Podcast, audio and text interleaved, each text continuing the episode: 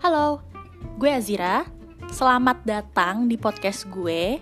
Untuk ke depannya podcast ini gak ada isi yang berbobot banget karena ini hanyalah uh, media penyalur kebacotan gue yang udah gabut banget di rumah selama stay at home yang kita nggak tahu juga kan sampai kapan stay at home-nya. Jadi salam kenal.